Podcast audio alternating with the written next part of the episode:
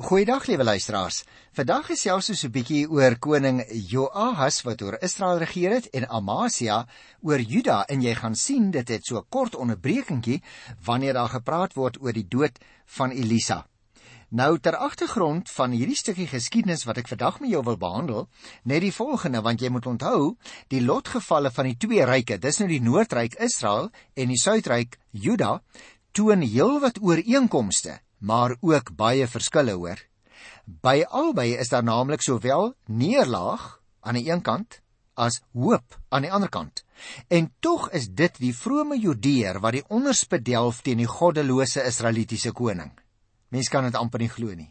En daarom hierdie gedeelte luisteraar lewer eintlik ernstige probleme op wanneer ons die regeringstye van die verskillende konings probeer vasstel.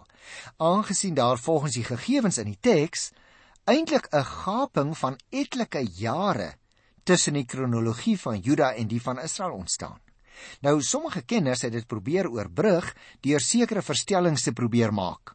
Al wat ek wil sê is weens die groot onsekerheid word daar in die tydtabelle wat soms deur mense gebruik word in geskiedenisboeke eerder van benaderde datums gebruik gemaak.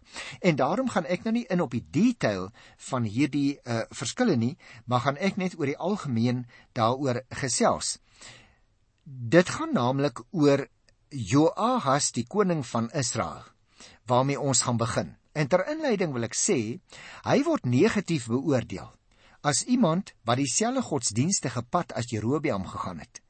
Die voortdurende aanvalle van die Arameërs in daardie tyd word beskou as God se oordeel en dit is 'n voorsmaak van die ellendes wat op die noordryk gewag het.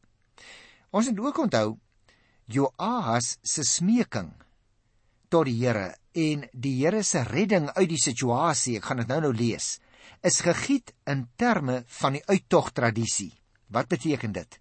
Daarmee word 'n stuk hoop geplaas naas die oordeel aan Israel. Met ander woorde, God is nog steeds bereid om uit die nood te red al was hierdie mense so ontrou in hulle optrede teenoor die Here. Maar natuurlik, hulle het nie ag gegee op die roepstem van die Here nie. Nou kom ek lees dit uh hierso by uh 2 Konings die 13de hoofstuk, die eerste 9 verse. Dan kan jy self daarna luister, dan praat ons weer so 'n bietjie daaroor. In die 23ste jaar van die regeringsjaar van koning Joas van Juda, die seun van Ahasia, het Joahas die seun van Jehu in Samaria koning oor Israel geword. Hy het 17 jaar regeer en hy het gedoen wat verkeerd was in die oë van die Here. Hy het dieselfde sonde gedoen as wat Jerobeam die seun van Nebat vir Israel laat doen het.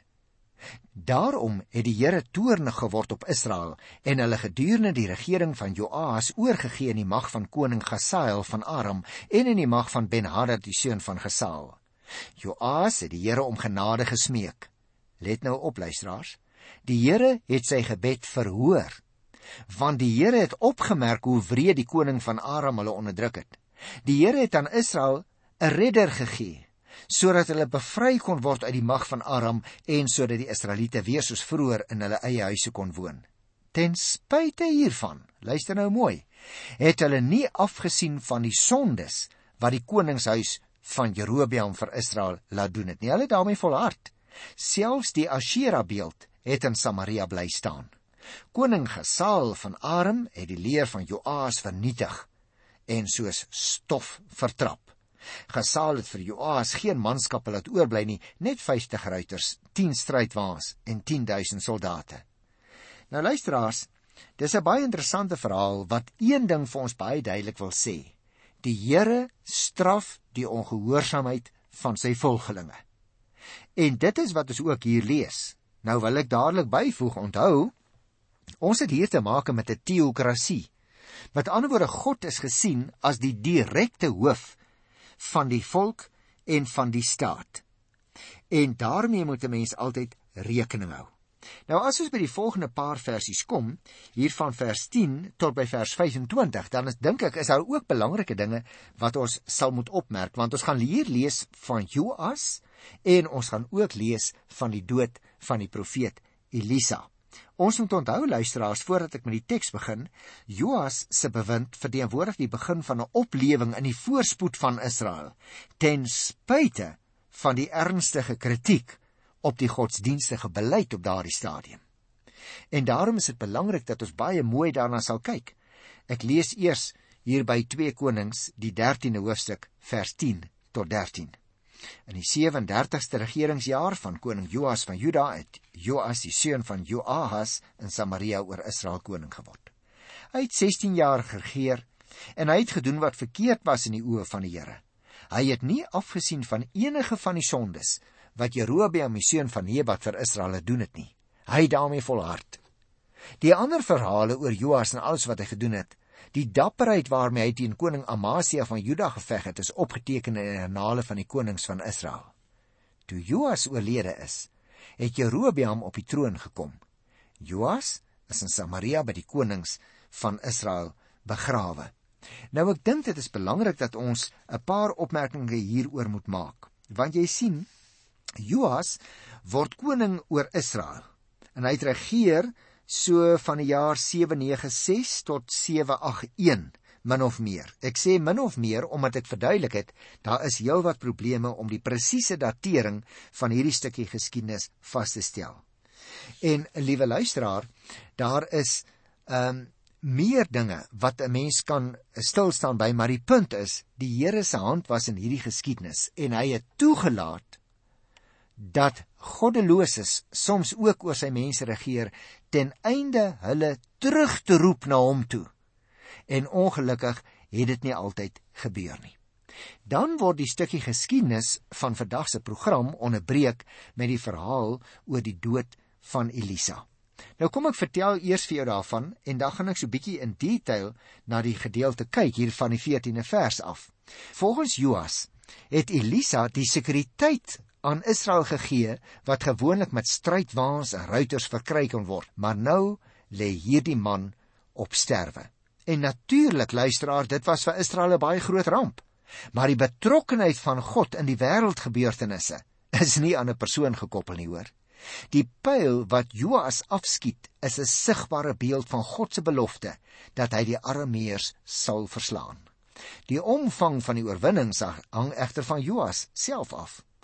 Nou aanduiding hiervan is die aantal kere wat hy met die pyle op die grond geslaan het. Dit was hopeloos te min en daarmee het die hoop wat Elisa aan Joas gegee het net tydelike verligting voorspel. Maar kom ek lees dit hier van vers 14 tot 19, dan kan jy self na die verhaal luister en dan praat ons weer so 'n bietjie daaroor. Elisa het ernstig siek geword en op sterwe gelê. Koning Joas van Israel het hom gaan besoek, oor hom gehuil en gesê: "My vader, my vader, u was vir Israel die strydwaal met sy ruiters." Elisa sê toe vir hom: "Vat jou pyl en boog." Die koning van Israel het dit gedoen en toe sê Elisa vir hom: sit jou hand op die boog. Die koning het sy hand op die boog gesit. Elisa het toe sy eie hande op die hande van die koning gesit en gesê: "Maak die venster aan die ooste kant oop." Die koning het dit oopgemaak en Elisa het beveel: "Skiet." Toe skiet die koning en Elisa sê: "’n Pyl van die Here se oorwinning, 'n pyl van oorwinning oor Aram. Jy sal Aram verpletterend verslaan by Afek." Verder sê Elisa: vat nou die pile. Die koning het hulle gevat en Elisa sê vir hom: "Slaan teen die grond." Die koning het 3 maal geslaan en opgehou. Die man van God het baie kwaad geword en vir die koning gesê: "Jy moes 5 of 6 keer geslaan het, dan sou jy arm heeltemal verslaan het, maar nou sal jy arm net 3 keer verslaan." Kom ons gesels nou weer oor hierdie verhaal. Jy sien liewe luisteraar, anders as Elia het Elisa soos alle ander sterflinge siek geword en gesterf. Jy sal onthou Elias in 'n stormwind opgeneem in die hemel. Nou hier op sy sterfbed het Elisa in sy huis in Samaria besoek van koning Joas ontvang. Toe die koning die man van God nou aanskou, het hy in trane uitgebars en in die 14de vers het ons gelees het hy gesê: "U was vir Israel die strydwaal met sy ruiters." Joas dink in hierdie verband aan Elisa as 'n goeie militêre adviseur wat hom dikwels met raad bygestaan het. Elisa natuurlik wat die koning troos en drie dinge vind nou plaas. Eers sê Elisa dat hy 'n pyl en boog moet neem en dit na hom toe moet bring. Elia was naamlik te siek om op te staan en sy hande op die van die koning te sit en saam met hom te skiet. Dit sou Joas ook in elk geval gehinder het, né? Hy plaas egter sy hande op Joas se hande om die koning van sy eie krag mee te deel. En vervolgens sê Elisa nou dat hy die venster moet oopmaak en in die rigting van Aram moet skiet. Hierna verklaar Elisa dat Joas Aram sal oorwin. Aangesien die profete woord kragtig is en altyd waar word, is 'n besliste oorwinning in beginsel aan Joas geskenk. Hy moes dit net in geloof aanvaar en weet dat dit sal gebeur.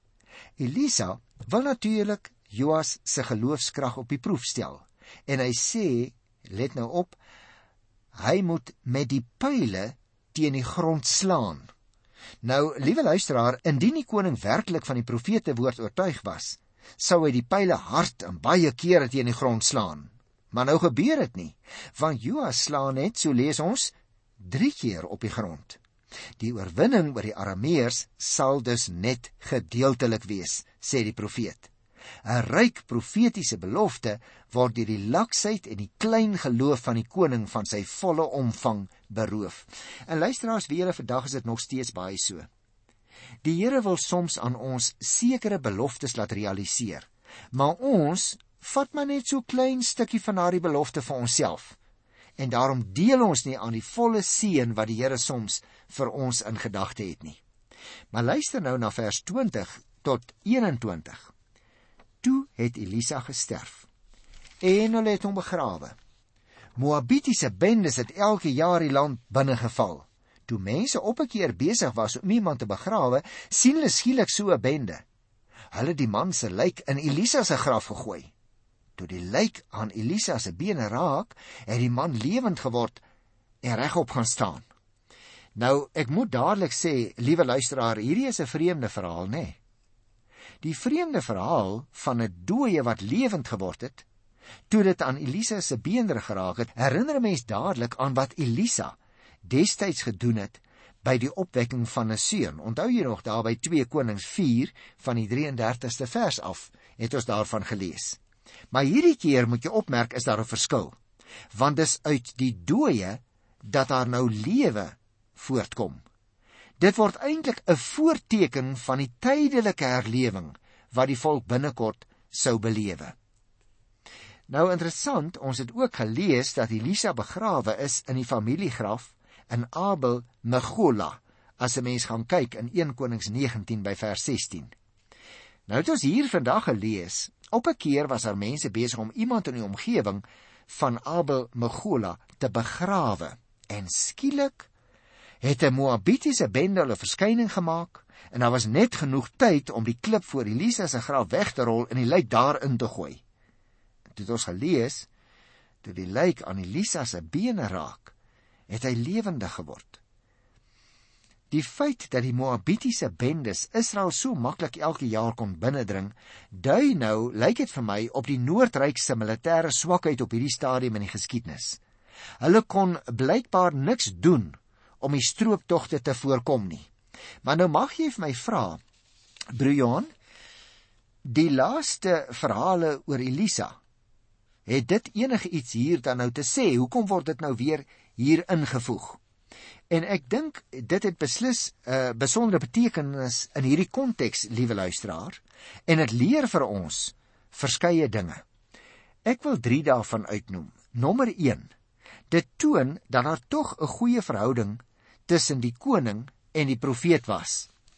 Met ander woorde, ten spyte van die afvalligheid van koning Jehu en sy afstammelinge, het die Here hom nie sommer aan die Jehu geslag onttrek nie.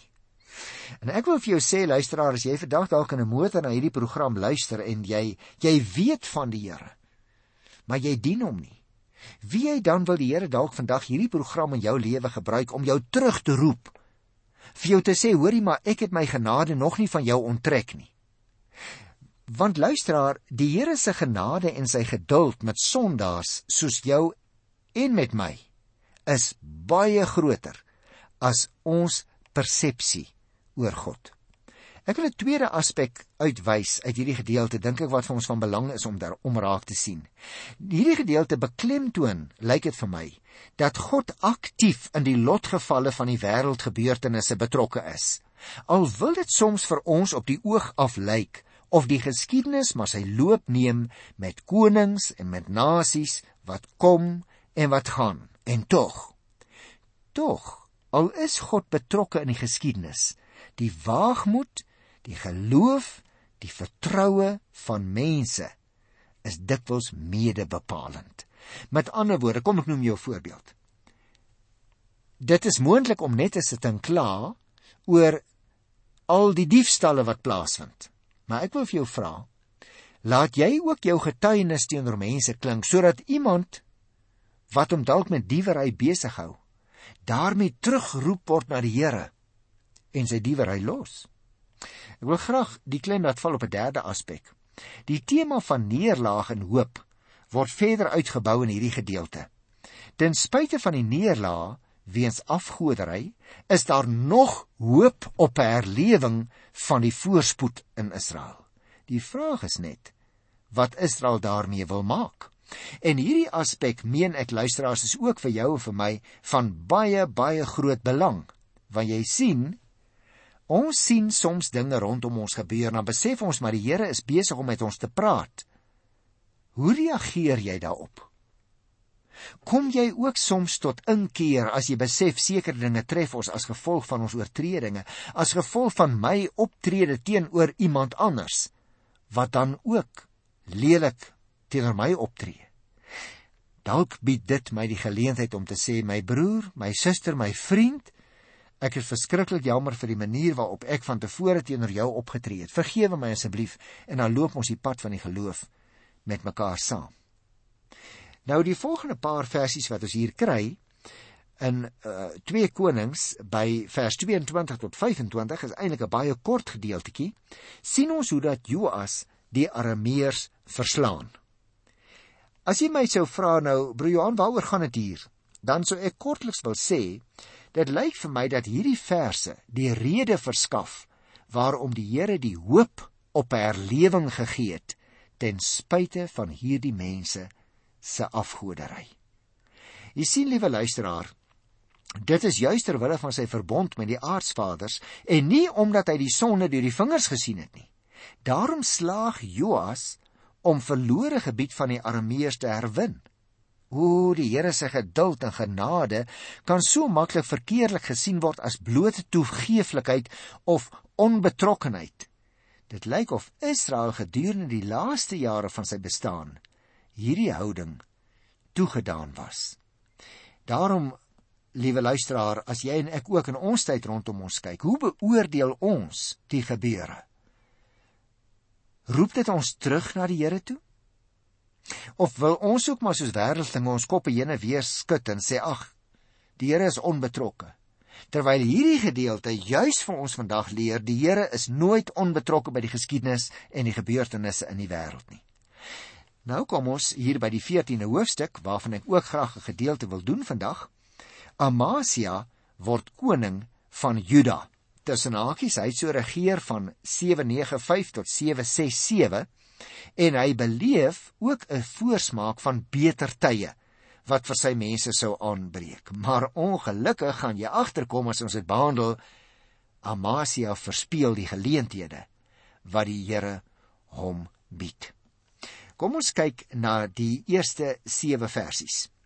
In die tweede regeringsjaar van koning Joas van Israel het Amasia die koning geword oor Juda.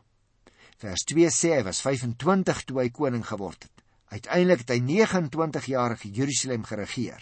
Die derde vers sê vir ons hy het gedoen wat reg was in die oë van die Here, maar nie heeltemal soos sy voorvader Dawid gedoen het nie. Hy het alles gedoen wat Joas sy pa gedoen het. Hy het net nie van die hoogtes ontslaag geraak nie. Die volk het nog diereoffers en wierookoffers gebring op die hoogtes. En nadat hy goed gevestig was in sy koningskap, het hy die amptenare laat doodmaak deur wie sy pa die koning vermoor is. Nou luisteraars, Amasia word dus positief beoordeel as 'n vroom persoon wat sy pa se dood gewreek het. Maar in die besonder was hy toegeeflik teenoor die onskuldige gesinne van die moordenaars. Jy sien, die oorwinning oor Edom is die eerste tekens van 'n herlewing na die regering van Atalia en die neerlaag wat sy pa Joas moes ly van tevore. Dit lyk dus vir my luisteraar, as ons na hierdie goed kyk, dan is daar tog iets wat ons baie met mekaar so bietjie indringend moet bespreek, naamlik wat is die verband, sou jy sê, tussen rampe en sonde? Kan 'n mens 'n direkte verband lê soos wat ons dikwels nou hier in hierdie gedeeltes gekry het, waar die Bybelskrywer 'n direkte verband lê tussen die sonde wat iemand gedoen het en wat dan later lei tot rampe in die land? Is dit geregverdig of nie? Kom ons gesels so 'n bietjie daaroor.